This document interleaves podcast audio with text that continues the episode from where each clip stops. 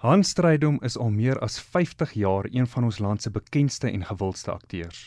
Hy was die eerste Afrikaanssprekende persoon wat Suid-Afrikaanse kykers tydens die SAIK se eerste amptelike televisie-uitsending op 5 Januarie 1976 verwelkom het. Vandag ken ons hom as Ad Koster, die groot baas van die Binneland Kliniek in Kyknet se sepie Binnelanders. Ek en Hans kuier al te lekker op die stel van Binnelanders vandag. Hans, baie welkom op Kuns met Kontant. Dankie. Nou Hans, hier waar ek sit, voel ek 'n bietjie soos Arnoldus Labeskagni in die Manakwa-landers waarin jy hom as 'n radio-omroeper vertolk het. En Hans, jy is 'n baie private mens. Wanneer laas het jy 'n onderhoud toegestaan? Men um, ek dink seker so jare wat gelede wat ek in die gat getrap het weer. maar Hans, vir my op 'n persoonlike noot, dis 'n groot eer en 'n voorreg dat jy ingestem het dat ek vandag by jou mag kom kuier. Nou hier op Kuns met kontant gesels ons finansies en jy is 'n groot kampvegter vir behoorlike vergoeding van akteurs en jy gee om oor hul finansiële welstand. Hoekom is dit so? Kyk, enkel ek was aanvanklik mos nou na 10 of 11 jaar in departement van justisie gewees waar mense uh, baie veilige bestaan en en uh, 'n eervolle werk gehad het en uh, alles was in orde en uh het gewerk volgens voorskrifte. En toe ek nou in die vryskutbedryf kom was ek nogal staamlik geskok geweest oor hoe ongereguleerd die bedryf is en hoe onkunde wat onder my mede-kollegas is aangaande persoonlike finansies en uh, ek het dit maar seker dat die taak op my geneem om om, om 'n bietjie daarop in te gaan en uh, te probeer advies gee waar nodig uh, en, en waar hulle dink on, hulle onregverdig behandel word uh bietjie touwys te maak of leiding te gee en te sê en aan hulle te verduidelik kyk ons akteurs het jy het nie 'n baas nie. Jy het nie 'n werkgewer nie. Jy's ook nie 'n werknemer onder die arbeidswetgewing nie. Jy's 'n vryskut. Met ander woorde jy is jou eie baas. Jy het jou eie besigheid soos 'n loodgieter of 'n elektriesien. En daarom is jou fooi is altyd onderhandelbaar natuurlik die vervaardigers sal sê hulle is gekortwiek deur die begroting wat die vervaardigers soos kyk net of die SABC gee. Maar jy uh, dit is 'n vryskutbedryf en 'n uh, eh, kwessie as jy 'n aanvraag is dan kan jy miskien 'n bietjie druk op 'n beter prys. Maar ek dink die grootste probleem onder ons akteurs is eintlik uh die beleggingsdeel van wat van hulle geld. En Hans, jy het nou vir ons bevestig dat die akteur se status in die finansiële wêreld is dat hy 'n onafhanklike kontrakteur is. Ehm um, word onafhanklike kontrakteurs beskerm deur die arbeidswette? Nee, die arbeidswette is spesifiek vir mense wat in 'n vaste uh werk is. Met ander woorde, jy het 'n baas, jy het 'n werk en jy het jou voordele soos jou siekefonds en jou pensioenfonds en dies meer wat jy as 'n vryskut mens nie het nie jy is maar soos 'n kafee eienaar of as ek sê loodgieter, elektriesien, jy moet na jou eie sake omsien. En dit maak dan van jou 'n onafhanklike kontrakteur. Maar die voordeel van 'n onafhanklike kontrakteur natuurlik is dat jy jou uitgawes wat jy aangegaan het om 'n inkomste te genereer kan aftrek van jou belasting af. En Hans bestaan daar of kruip daar eers 'n bekostigbare mediese fondsplan, begrafnisplanne en so meer, bestaan dit vir mense in die uitvoerende kunste, 'n bekostigbare plan. Ja, kyk, ek weet daar is mense in die bedryf kunstenaars wat uh, probeer agiteer vir hulle eie pensioen of hulle eie siekefonds, maar ons is net eenvoudig te klein groepie. En wat 'n wispelturige bestaan voer, weet so ek dink jy daai fonds gaan baie sterk staan in in in in lank uh, oorleef nie.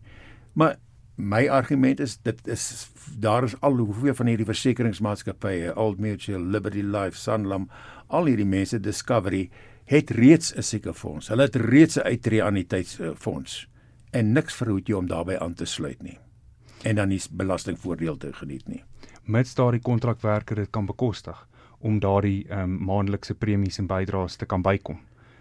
Kyk, natuurlik uh, jou uittreë anniteitspolis is 'n uh, is 'n wisselbedrag. Daar's nie 'n vaste bedrag nie. Solank jy ietsie begin wegsit van jou eerste salaris af, beloof jy op 55 is dit 'n reuse som geld daar alreeds. Want dit terwyl jy lê en aand slaap of jy's op die stel, werk daai geld in die agtergrond vir jou.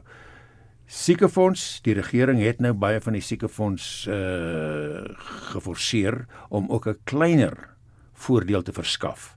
'n Basiese siekefonds uh siek mediese voordele. So dit is beskikbaar.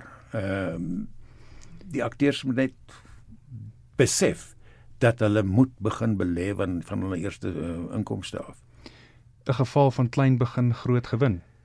Dit is seker maar ook 'n manier hoe 'n mens groot gemaak is. Uh as jy in 'n ouer huis groot geword het waar uh, na geld omgesien word en jy het 'n respek vir geld uh ontwikkel in jou in jou vroeë jare dan uh, dan help dit, maar dit is seker maar soos die mense is, daar's mense wat hoe vinnig hulle die geld verdien, so vinnig spandeer hulle dit weer. Maar op daai noot, hoe voel jy oor kollegas in jou bedryf wat vir jou aan die einde van 'n lang jaar sê ek het baie hard gewerk. Ek verdien 'n rusbreek en ek verdien 'n vakansie in Griekeland. Ek probeer hulle uitpraat daaruit, jy weet, en sê luister, jy kan jou vakansie gehou die dag wanneer jy aftree na 55 dan jy hierdie klompie geld en dan kan jy van dit gebruik om jouself te beloon, maar in die tussentyd is jou taak om soveel as moontlik weg te sit vir daardie welvaartfonds. Ek wil wil dit nie 'n pensioenfonds nie, ek noem dit 'n welvaartfonds wat 'n mens deur jou hele lewe aan bydra sodat jy eendag 'n bietjie wel af kan wees. En Hans, dit begin ook by gedissiplineerdheid. Want in my oë sien ek gedissiplineerdheid as deel van 'n akteur se samestelling. Wat ek daarmee bedoel is, akteur moet woorde leer. Hy moet voorberei. Hy moet met herhaling onder die siege van 'n van 'n karakter inklim. Dit is streng dissipline daai en kan akteurs dan nie nou maar ook gedissiplineerd wees met hulle eie finansies nie.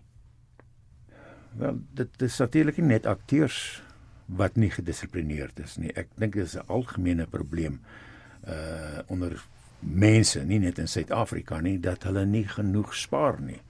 Ek onthou my ma het die maandelikse water en ligte rekening met die geld wat betaal moes word in die yskas weggesteek in die vrieskompartement waar dit gevries is sodat sy aan die einde van die maand wat dit betaal moet word dat dit nie gespandeer is nie dan kap sy dit net maar daai uit los en gaan betaal so het die mense nou maar groot geword en dat jy 'n verpligting voel dat jy moet jou skuld betaal, jy moet in beheer wees van jou uitgawes en natuurlik sorg vir daai eendag dat jy wanneer jy nou regtig waar geld in die bank het, uh dat jy dan kan doen wat jy wil. En Hans, jy maak nou verwysing na hoe jou ma te werk gegaan het met geld. Jy het in Durban groot geword en jy's die oudste van 5 kinders. Dis reg, ja. Oudste kinders is gewoonlik die verantwoordelike een. Ehm um, wat wat dan noodwendig weet hoe om met geld te werk sou jy dit van jouself sê? Ja, ek weet ek weet nou nie of ek nou die enigste een in die familie is wat so bewus en konservatief is oor hulle geld en hulle beleggings nie. Uh, dit is seker maar soos ek sê hoe ek groot geword het, mens dit daar was nie geld om om te mors in ons tyd wat ons in Durban nie ons ja, ons het nie besef dat ons arm was nie, maar vandag as jy terugkyk en besef jy ons het dit nie breed gehad nie. So elke sent het getel moes omgedraai word. So ek dink is maar die era waaruit ons kom. Dit was nie 'n maklike lewe gewees nie. Maar sal jy sê dat jy vandag anders werk met jou geld as wat jou ouers met hulle geld gewerk het? Interessant, wie Henko, dit is ek dink nie daar was soveel inligting beskikbaar gewees daardie tyd nie. Uh as ek net kyk vandag wat elke Jan Rapp en sy maat ry vandag 'n kar. Finansiering is so maklik om te kry. ek kan nie ek dink ons het een karretjie gehad in ons lewe, jy weet maar die daai finansiering fasiliteite en beleggingsfasiliteite wat jy vandag as jy die koerant oopmaak dan is daar die advies en jou in jou banke. Ek dink nou ook aan jou bank wat die uh, verbande. Dit is 'n ongelooflike werktuig daar jy weet wat 'n mens kan gebruik uh om uh, goedkoop finansiering te doen in steede van om op huurkoop by 'n bank te gaan. Kan jy geld uit jou huislening uittrek uh indien jy weet ver vooruit betaal is om jouself te finansier. Uh ek dink my ouers hulle het baie moeilik. Hulle het nie geweet dit is moeilik nie, maar daar was net nie eenvoudig nie al hierdie inligting beskikbaar daai tyd nie. Persoonlike finansies is ongelukkig een vak wat hulle nie by die drama skole of op universiteite of by die tegnikums aanbied nie. Watter raad het jy van jou kant af vir jong opkomende akteurs en vermaaklikheidskunstenaars? Ja, dit is waar dat hulle in hierdie drama kursusse en goed, ek dink dit is baie belangrik dat eh, die akteurs geleer moet word dat niemand gaan na jou omsien nie. Jy is jou eie baas, jy moet jou eie werk moet uh, genereer en daarom moet jy ook kyk aan jou geld dat jy jou eie geld belê. Daar is nie 'n baas wat maandeliks pensioengeld en sekerfonds aftrek nie. En ons probeer nou maar vandag die Suid-Afrikaanse akteursgilde daardie kennis en bewusmaking deur die akteursgilde aan akteurs oor te dra. Nou, hopelik is daar van hulle wat um, dit agslaan daarop maar jy sal altyd die kry wat uh, wat kla en sê die regering sorg nie vir ons nie. Hans jy het nou gepraat van die akteursgilde waarvan jy 'n stigterslid is en ons gaan volgende week verder daaroor gesels. Luisteraars kan gerus in die tussentyd met my en met Hans kom saamkuier op RSG en Henko Creer se sosiale platforms of kommentaar lewer deur 'n SMS te stuur aan 45889 Dit gaan jou R1.50 kos. Groete tot volgende week.